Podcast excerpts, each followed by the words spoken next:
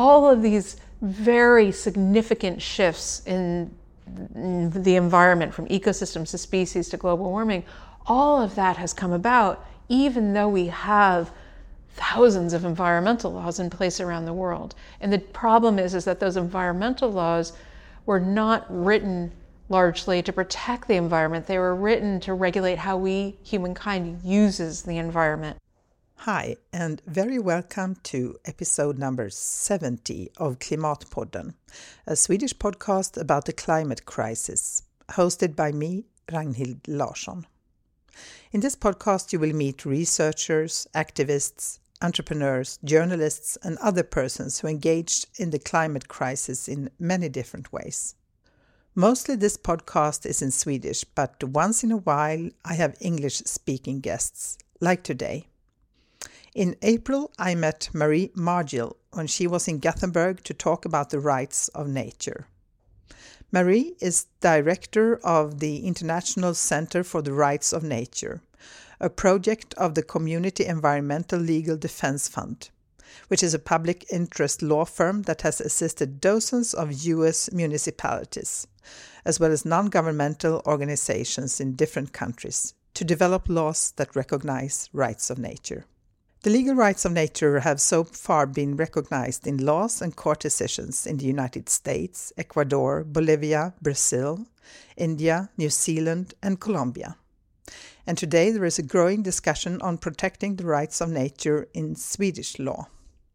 In this episode, we talk about how you can give, for example, a river its own rights and why we are not achieving anything by working within the existing environmental legal framework, and how nature's rights uh, so far have been implemented in some places, what the challenges are, and how the authorities have reacted.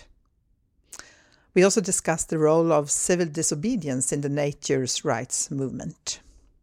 If you want to know more about the rights of nature, you can visit the Swedish website Naturens Rättigheter. The Swedish Network for the Rights of Nature was founded in 2017 by individuals and organizations like Lodyn and Ecocide Sweden, Solidarity Sweden Latin America, and Swedish Earth Rights lawyers. The network is part of the Global Alliance for the Rights of Nature and the UN Harmony with Nature initiative. Klimatpodden is totally free from commercials. And if you would like to support the podcast, you can send any amount, small or big, to the Swish account 123 396 2974. 123 396 2974. And this, of course, only works if you are in Sweden. And a big, big thanks to all of you who have supported Klimatpodden so far. Without you, there would not be any podcast. But now let's listen to Mari Margil herself. Welcome to Klimatpodden, Mari Margil. Thank you. So, who are you?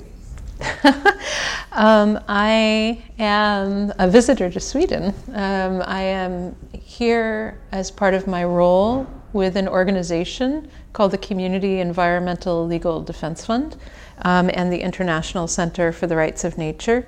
Um, and we're an organization that has been working to advance um, legal rights of nature or of the natural world.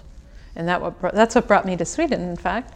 Um, and we work in, in a number of places, including in the United States, um, in India, and Ecuador, and other countries, as more and more people are kind of coming, I think, to something of a common understanding that something really fundamental needs to shift in our relationship with the natural world. Uh, and what have you been doing here in Sweden? Um, I have feel very privileged to have been here. In fact, this is my second time in Sweden to be able to talk about this work and share this work with different um, groups and activists and elected leaders and others. Um, I came here. Um, first, I went and spoke at the Earth Rights Conference in Sigtuna, which was hosted by Rights of Nature Sweden, and, and Ecocide Sweden um, in Lodyn. And we had a really wonderful gathering um, in which people from different parts of the world, including from Sweden, of course, um, including indigenous peoples from Sweden. Um, so there were some parliamentary members from the Sami parliament. There were um, some elected officials from the Swedish parliament, and then, of course, there were activists and people who are just generally concerned and being engaged on what's happening with the environment, mm. um, and particularly focusing on a growing movement to secure legal rights of the environment itself, which is a very early beginning movement, um, and it's really the first time that in really Western society that we're beginning to recognize that nature can be itself a subject of rights. Yeah. So, how would how would you explain this? Uh, what is uh, nature's rights? Yeah, so it's um, perhaps it's easiest to think about it um, when we think about ourselves. So we have legal rights. I come from the United States, and we have our Bill of Rights in our Constitution. And so, for example, the first the First Amendment to our Constitution is a right of free speech. So I have a legal right to free speech, and government can't interfere with that right. And so a right really protects your ability to hold um, the, this concept of free speech, or it might be there are other rights that are recognized, of course, as well. But a legal right is the highest form of legal protection that we have in written law, um, generally protected in a constitutional framework. And so the rights of nature, recognizing legally enforceable rights of nature, means that nature becomes moves from being without legal rights to having and possessing legal rights. So those rights can include the right of nature to exist, the right of nature to thrive, um, to regenerate, to be able to naturally evolve, the right to be restored. These are rights that are now just for the very first time are beginning to be recognized in different legal systems, such in Ecuador's constitution. So in 2008, Ecuador became the first country to enshrine constitutional rights of nature in their constitution. Um, and that's the highest form of legal protection. They recognize that nature has a fundamental right. Um, and that's a really different kind of way for us to govern ourselves toward the natural world. So, but there are a lot of environmental laws. Yes. So, what is wrong with them? Right. I know. We have many, many environmental laws.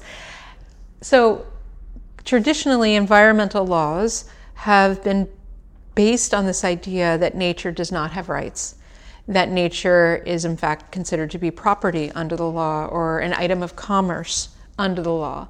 And so, environmental laws largely focus on how do we use that property or how do we use that commerce? So, quite literally, how do we use nature and legally authorize the use of nature? So, in very practical terms, that means, for example, um, that laws uh, legally authorize industrial farming, which is very polluting of water and air, and not to mention the harm to the animals involved um, environmental laws in the United States and elsewhere around the world legalize activities such as fracking, which has significant harm to water, um, to aquifers, to even global warming pollution. Um, so there's so many harms that come when we legally authorize the use and exploitation of the natural world. And the result of that, of course, is what we're witnessing today um, more and more, it's becoming more clear about what human activity has done to the natural systems upon which we depend on for our own life. So, for example, um, with species extinction, and the recent report that came out saying that over you know, a million species are now at risk of extinction due to human activity.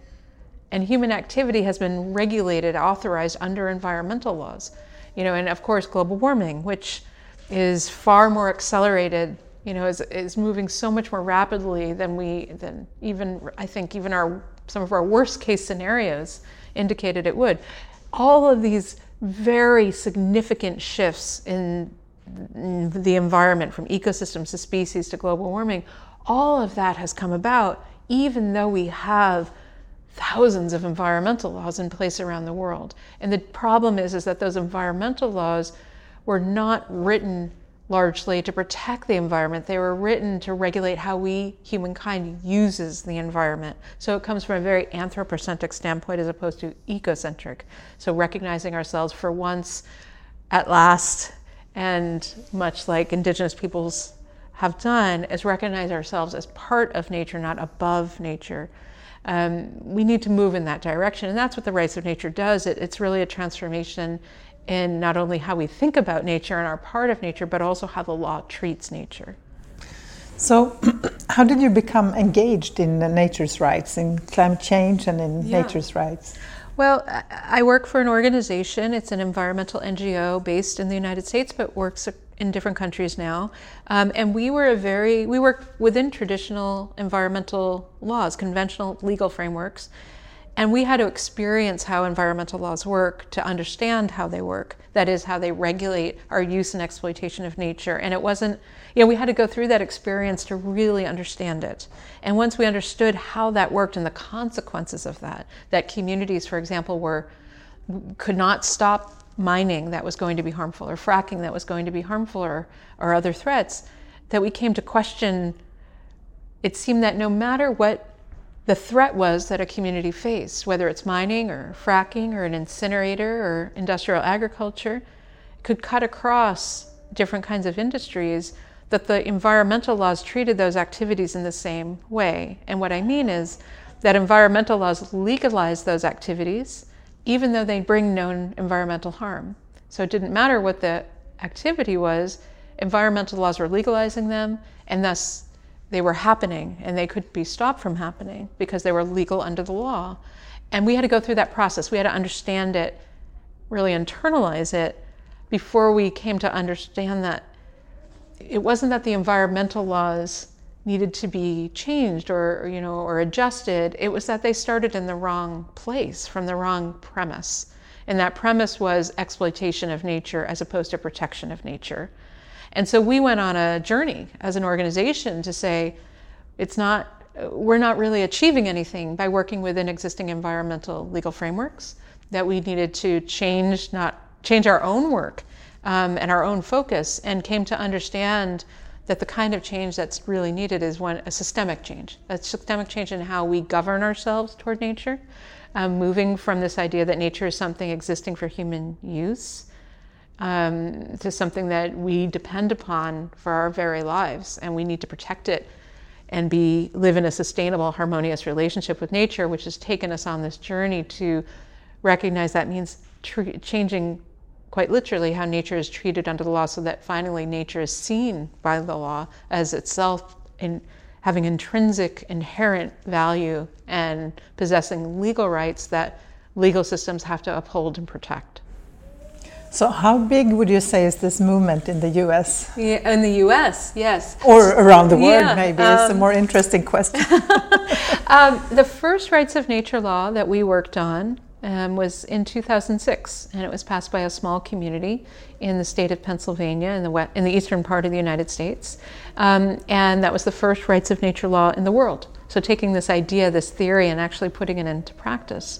Um, and since then, um, things have moved rather quickly from our perspective. So, 2006, we had the very first law, and it was a local municipal law. And then, two years later, in 2008, um, we met with delegates to Ecuador's Constituent Assembly that was writing a new constitution. That year, Ecuador became the first country to uh, establish and recognize legal rights of nature within its constitution, a national constitution. And since then, we've had um, a number of other developments. Bolivia passed a Rights of Mother Earth law recognizing rights of nature or Pachamama. Um, communities in Brazil have established local rights of nature laws. You've had decisions from courts, even the Constitutional Court of Colombia, recognizing rights of certain ecosystems, um, as well as courts in India um, doing the same. And so there's a lot of development that's occurring um, within legal frameworks, within through court decisions which I think represents this um, growing shift in understanding that we need to make this fundamental change, and not just in our hearts and minds and in our cultural, uh, cultural values, but also in the law.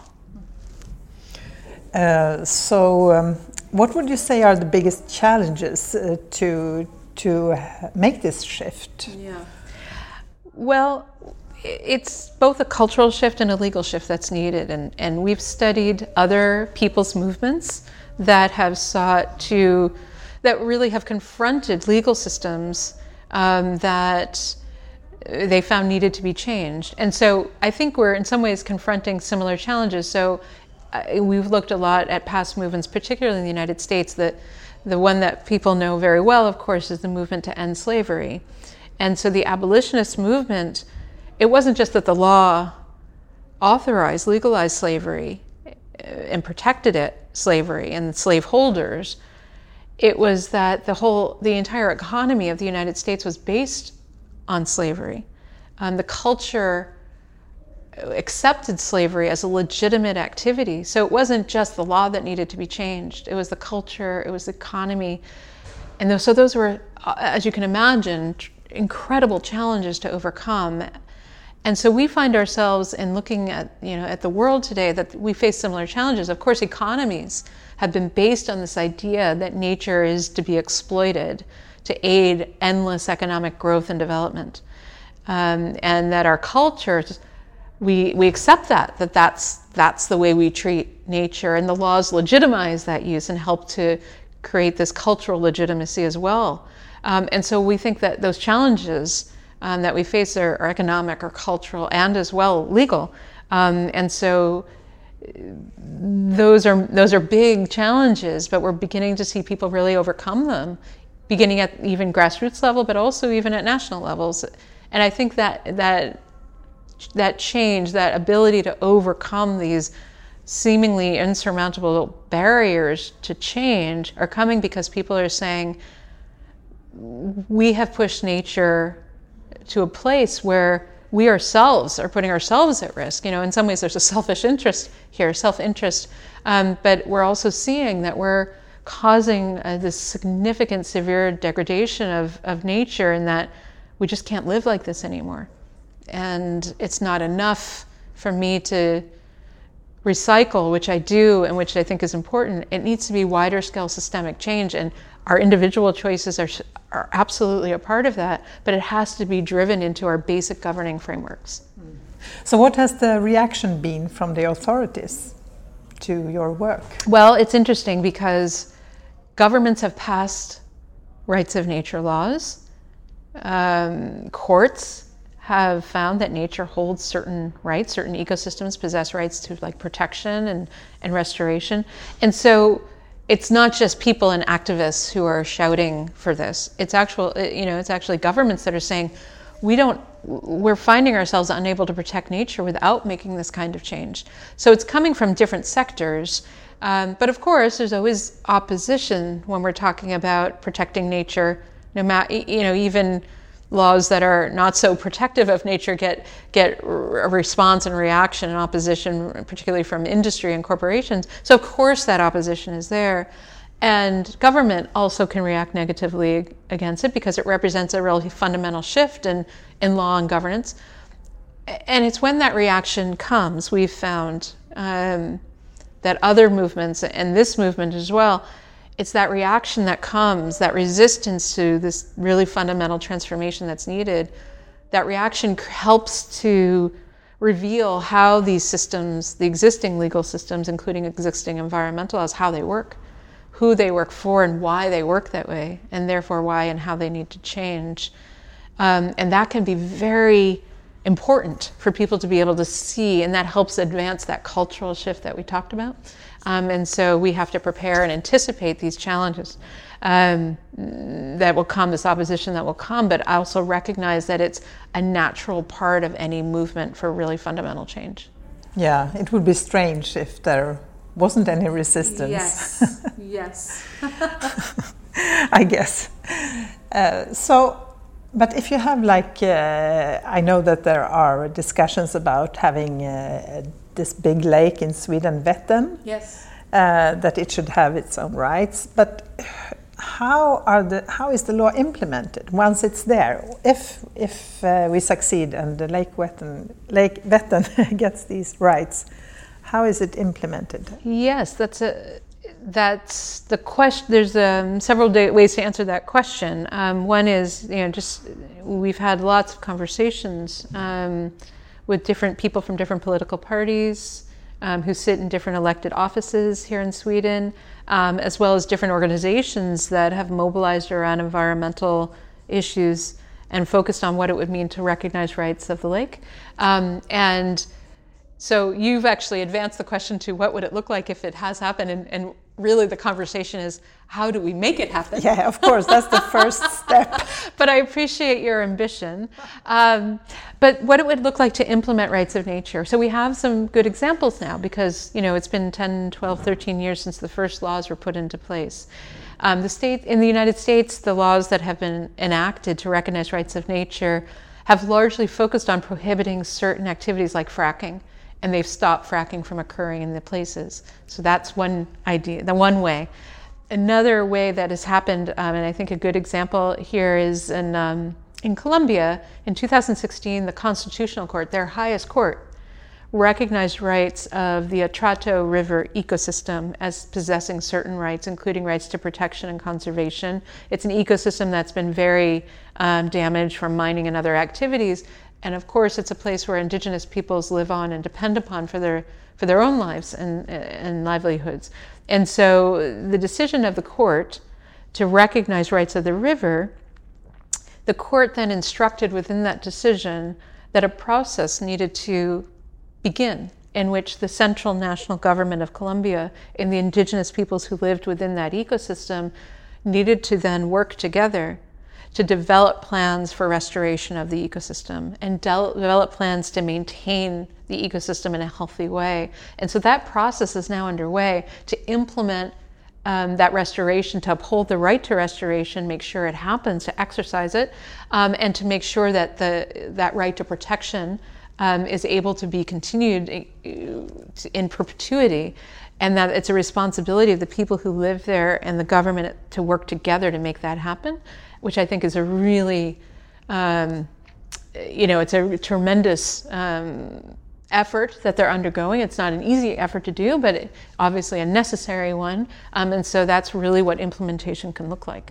So, if we should go back to step one, then uh, in the example of Lake Vättern, what, what should we do to um, to make Lake Vättern have its own rights? Yes, I, that's what needs to be done. It's been a really interesting um, discussion, and we've had some strat. We had a strategy meeting and um, among some activists um, while I've been here as well. And really, a lot of the discussion is focused on there's been a lot of activism already by people who live around the lake, and beginning to have a discussion with them about what their activism um, looks like, what are their concerns. There's certain threats that are know, well known about the lake, such as um, around expansion of military um, efforts to test, um, I guess, weapons in the lake, as well as a proposed mine, a rare earth mine, um, that would Im- impact the, the lake and, of course, the people who depend on the lake for their drinking water. So there's, I know there's a number of threats that are deeply concerning, and people have been mobilizing around. And I think that is going to begin a dialogue with people in the area about what steps can we take to transform how the law treats the lake, this ecosystem, um, to recognize rights of the ecosystem. So I think it will be a very um, deep process of community engagement, visioning, um, as well as you know if there is the that deep interest and commitment to actually draft what a law could look like. And there's several elements of really what any rights of nature law may contain, and then it becomes very particularized to that, that ecosystem and that legal framework, that legal system that they exist, but also the, what the ecosystem really needs. So we have an example in the United States recently um, that we've been talking a lot about, which was um, in February of 2019 this year, um, people of the city of Toledo in the state of Ohio, which is in the eastern part of the United States, they passed a law to recognize rights of Lake Erie Lake Erie is one of the Great Lakes. It's the 11th largest lake in the world, and it has faced itself significant pollution and impacts, and people depend on it for their drinking water. So there's a lot of parallels between the lake here in Sweden and the lake in, in the United States. People chose to recognize rights of Lake Erie because they found they were unable to protect and restore the lake under existing environmental laws for all the reasons we've been talking about here today. And so I've shared some of those experiences and stories here in Sweden. And I can just tell you some of the, the, sort of main elements of the Lake Erie, what they call the Lake Erie Bill of Rights, are recognition of rights of the lake, some core rights like the right to exist, the right to thrive, the right to be restored, um, the right to pure water, um, and that there are provisions as well to essentially mechanisms by which the, city of Toledo, where, the, where this law passed, as well as the people who live in the city, have the capacity, the authority to enforce and defend and implement those rights on behalf of and in the name of Lake Erie. So there's both the rights and the ability to exercise those rights, sort of the key elements, I think, of any rights of nature law. And so we talked a lot about building from that sort of basic skeleton framework to envision what that might, uh, uh, what rights of Lake Vättern could look like, yeah. which I think is a really exciting idea here. Yeah, yeah, and it's the biggest lake in Sweden. Yes, so, yeah. yes. and a lot of people live around it, so yeah. and are dependent. Right, and so threatened. Yeah, yeah. And I didn't know uh, when you talked about this military shooting there. I have never heard of, had never heard of it before. Mm, so, yeah, yeah, yeah. Uh, you also visit the Swedish, visited the Swedish Parliament. We did. What did you do there? So, um, a member of Parliament, Rebecka Le Moine, hosted a seminar on rights of nature at Parliament. Um, it was really, it was quite an experience to be able to present on the rights of nature there, and she she uh, cares a great deal about the environment. Um, she showed me a lot of pictures actually on her phone of her um, hiking and, and, so forth. Um, but in any case, we were able to bring this conversation and dialogue in, into Parliament, um, and she's very committed to this, I think, um, and which is a tremendous step forward for bringing this here into Sweden. And so we've we talked a lot about what this has looked like in other places. Um, uh, a young woman from Colombia who was involved in the case to recognize rights of the Colombian Amazon region talked about what it meant to bring that case to Colombia's Supreme Court. And so she presented on that at Parliament. I presented on sort of how this movement is building in different places around the world. And um, and the parliamentary member, Rebecka Le Moine, spoke about why this is important to her and what it could look like here in Sweden. So I think it was a very important um, seminar. It was very well attended. Um, and I'm looking forward to sort of what strategic next steps can be developed to advance this not only in Sweden, but particularly with Sweden in Sweden's parliament. And it's interesting because um, I learned that several years ago, several members of parliament who were in office at the time actually presented a motion within Swedish parliament um, to propose this idea of, a, I guess, a study or a commission or committee to focus on what it would look like to bring rights of nature into Swedish legal frameworks. Um, so there's already been some movement within Parliament, but this would be the next big step yeah. to say let's let's talk about maybe even amending or adding to Sweden's um, constitution, particularly the instrument of government in the I think it's chapter two that includes um, fundamental rights and freedoms of the people of Sweden, and what would it look like to to secure the fundamental rights of nature within that. What would you say is your driving force? What uh, keeps you doing this job? What what makes you go up in the morning and keep on? I would working? say it's two things. It's the people who are so committed to this, who coming up against these obstacles that we've talked about, but seeing the need to overcome them and working to overcome them, and nature itself, of course, which is suffering because of my species, um, and I feel a great love, but also responsibility to do what I can to advance this really fundamental change that I believe is needed. So, when did this engagement start? I mean, were you very young when you sort of uh, cared for nature, or did you have a particular relationship to nature I think growing I, up? I, I, I, don't know. I think somehow I think it was always there, and maybe I didn't quite name it. But um, yeah, I mean, I think it's always sort of been there, and, and it took me it took time for me um, to really understand that it wasn't just that environmental laws, for example, weren't strong enough or well implemented, but that there really was a systemic problem that we faced. I mean, I had to go on my own journey to, to really understand this um, and then say, okay, now that I understand this, what am I going to do about it? Um, and this is, this is what I'm doing about it, I guess.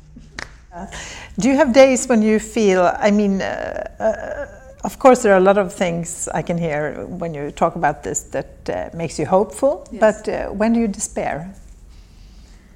Or feel uh, that when I, I think when I, I feel out? despair, uh, when I feel despair, which you know often comes because I read news headlines about you know the recent report that a million species are at risk of extinction. I mean that I, of course I feel despair about that, and then I have to remind myself that even with that, that I need to maybe channel that, use that to motivate me to, to work more. But in those moments, I either have to um, go into nature to remind myself, you know, to re, kind of refresh myself, my memory on what it is we're doing and why we're doing it. That to me is usually very helpful and um, to overcome that despair, but also um, just talking to people who are engaged when pe- drawing hope from them if I might not feel it myself that day. So, do you mostly uh, work with people who share your view, or do you have to confront the other? I mean, sort of because I can, I can myself feel that I live in sort of parallel worlds, where I have uh, the word with, uh, with, or the part where I meet my uh, my friends who share my uh, concern and knowledge and so on, and then I have this uh, other sort of word where it's more like business as usual. And I find it really hard to, it's sort of, yeah, it's harder and harder, I think, to sort of connect those words.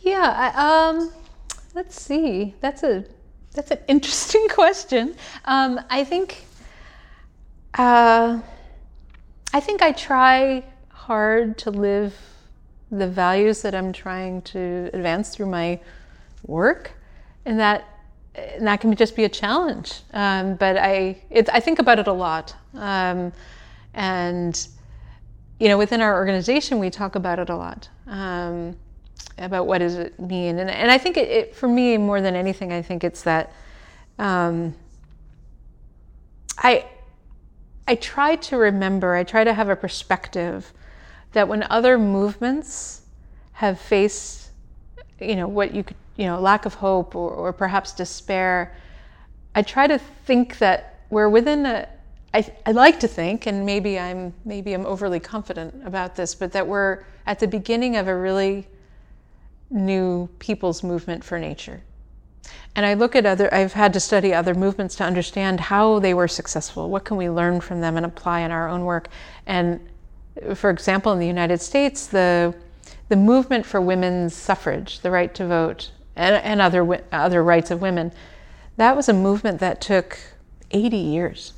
And so the women who began it, they weren't there. They weren't alive when it was, it's not even finished, but when, we, when the right to vote of women in the um, early part of the 20th century was ratified in the Constitution, I mean, they weren't there to see it.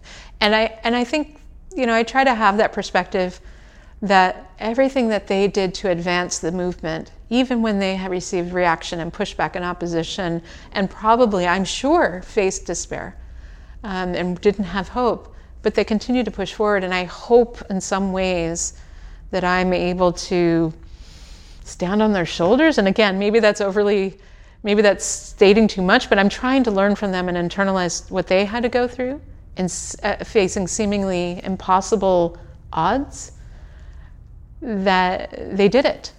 They did it. And they didn't do it because it was easy. They did it because it was necessary. Exactly. And I hope that I'm able to somehow represent that, you know, give tribute to their legacy, hopefully, and join with others who are doing so. Is working together with other with other people important? Oh, for me, yeah, I think it's absolutely for me. Um, it's amazing what relationships can do.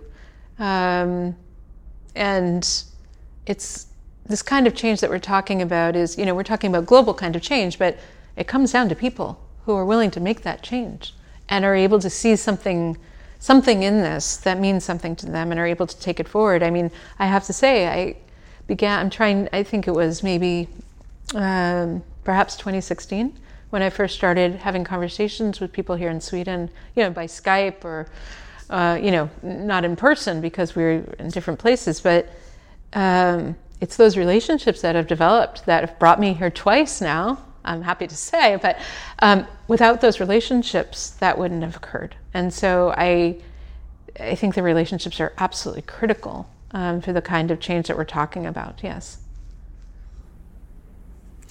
So, if uh, anyone listening would like to engage in um, in the nature's rights movement, what should they do? Um, I welcome them, and I know that um, our partner organizations in Sweden would welcome them.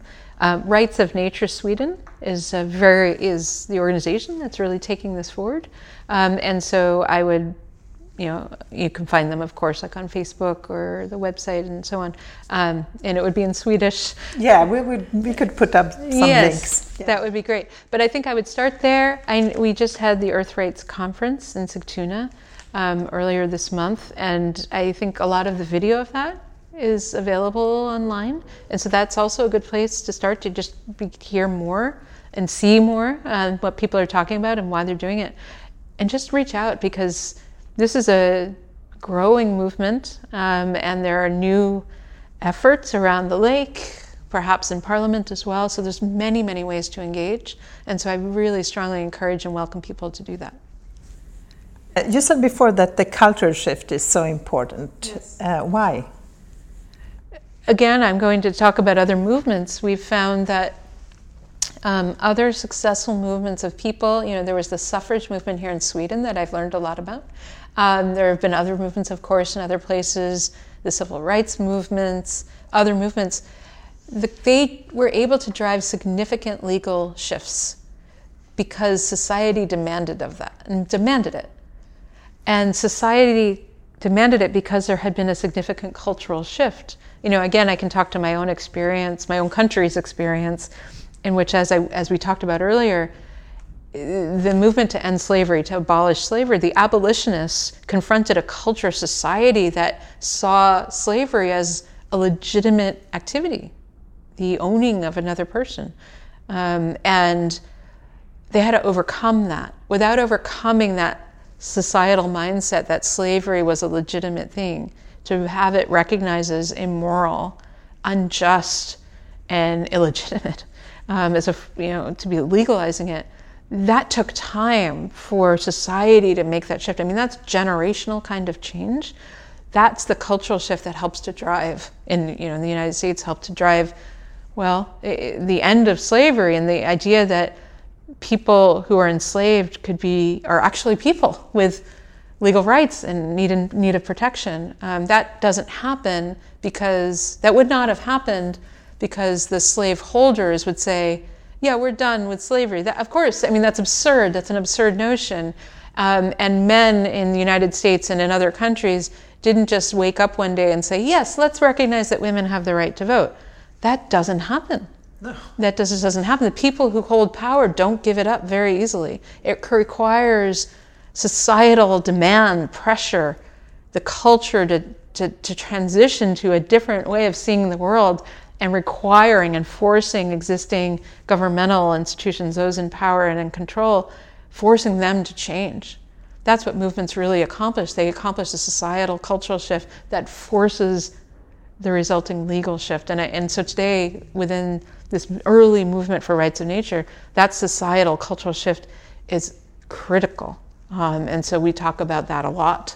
And we engage with a lot of people to try to help people begin to think this way and, uh, and you know, you know, and, and internalize it for themselves, um, that it's essential. That's the only way this will be successful. So, how important would you say that um, civil disobedience is in this movement? So, it's very interesting. In the United States, um, our work has begun at the very local grassroots level, working with communities who face an environmental threat and find that existing environmental law doesn't allow them to stop the environmental threat. So they're looking at environmental law for help and not finding help. And that has led a lot of people and communities, and as I said, even municipal governments, cities and towns and so forth, saying, well, if environmental laws don't help us to protect the environment, what do we do? Um, and we've worked with communities now to advance essentially the answer to that question, what do we do, which it means advancing a, a new system of law to protect the environment, which means changing how nature is treated under the law.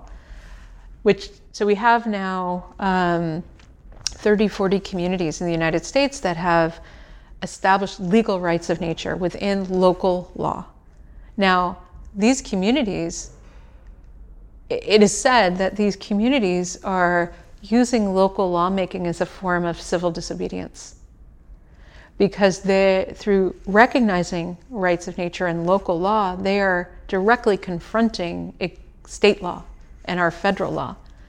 And they're using they're making change where they can through this local lawmaking.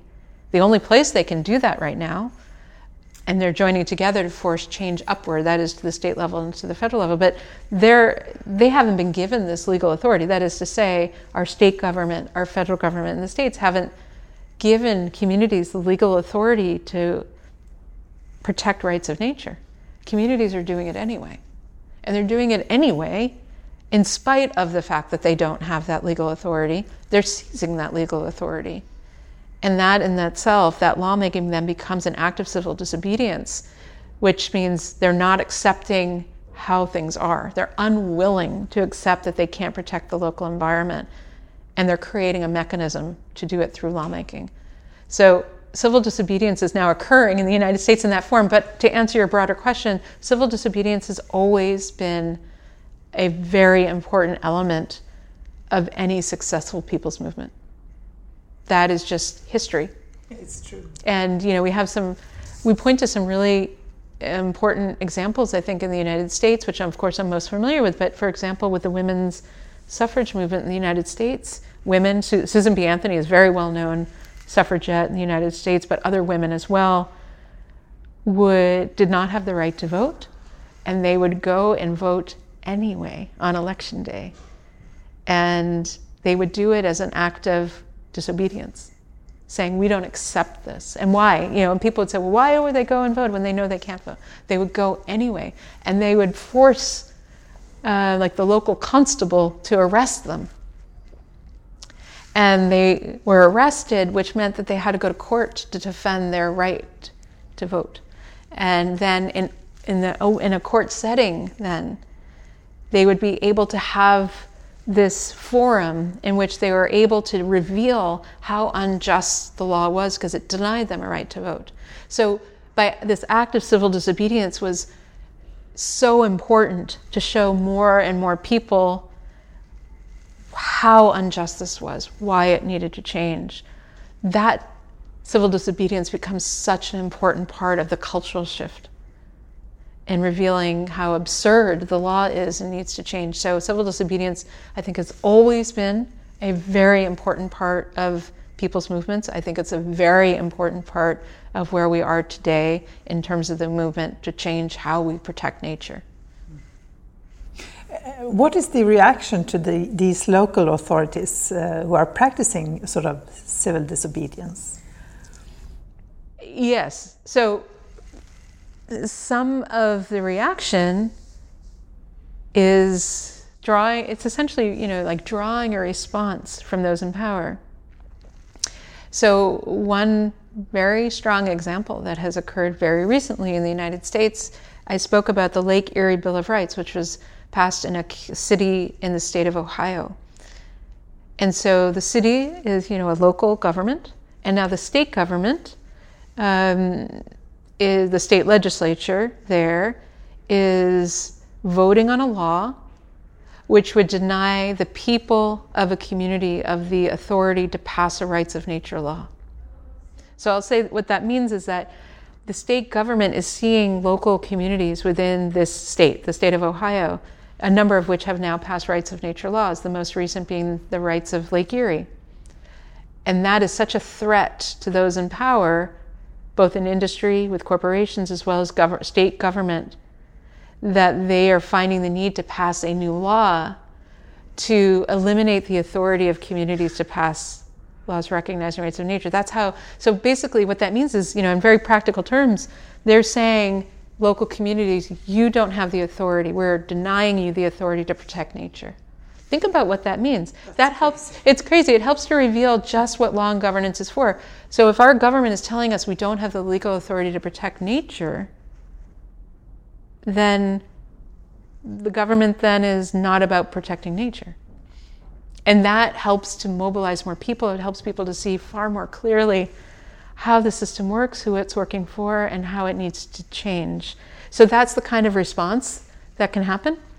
And it becomes, you know, the civil disobedience that you spoke of, it's so critical to any movement, as well as the response and the reaction and the pushback that comes from those who are in control, whether it's within government or industry. Those are all really essential elements that historically we've seen with other movements, and being prepared for that response becomes really important as people who are mobilizing for change. So, in a way, I guess it's good because it becomes obvious uh, how the system works. Yes, it does. But and that resistance, that response, I should say, from those in power comes when they see that a movement is gaining, you know, gaining momentum.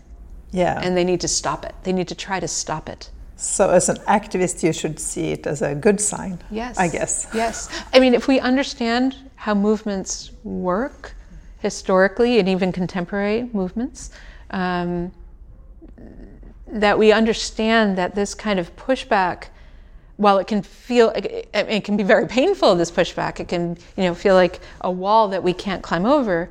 But it also if we can put it into a larger um, understanding that our work is, is, not just about today or tomorrow it's about it's long-term kind of work like other movements have been in that it actually becomes a very important milestone in the development of the movement.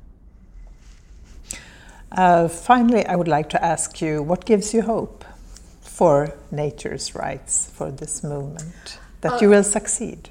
Well, I think people are already succeeding. Um, communities in passing these laws um, in places like Ecuador, where they have it in the constitution. I mean, we're already seeing people taking this forward um, and showing what is possible.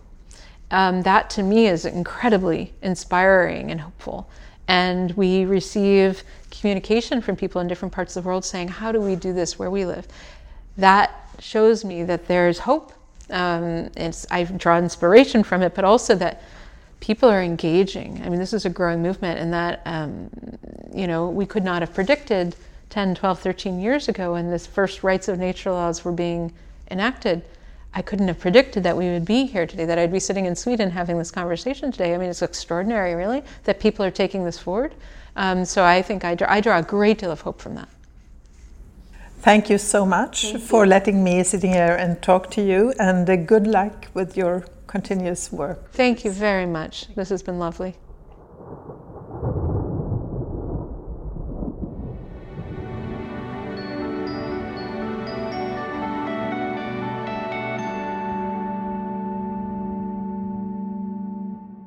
You have listened to Klimatpodden, hosted by Ragnhild Larsson.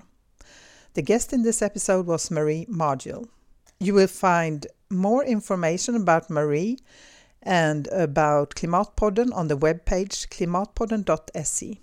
You can follow Klimatpodden on Spotify, SoundCloud, and iTunes.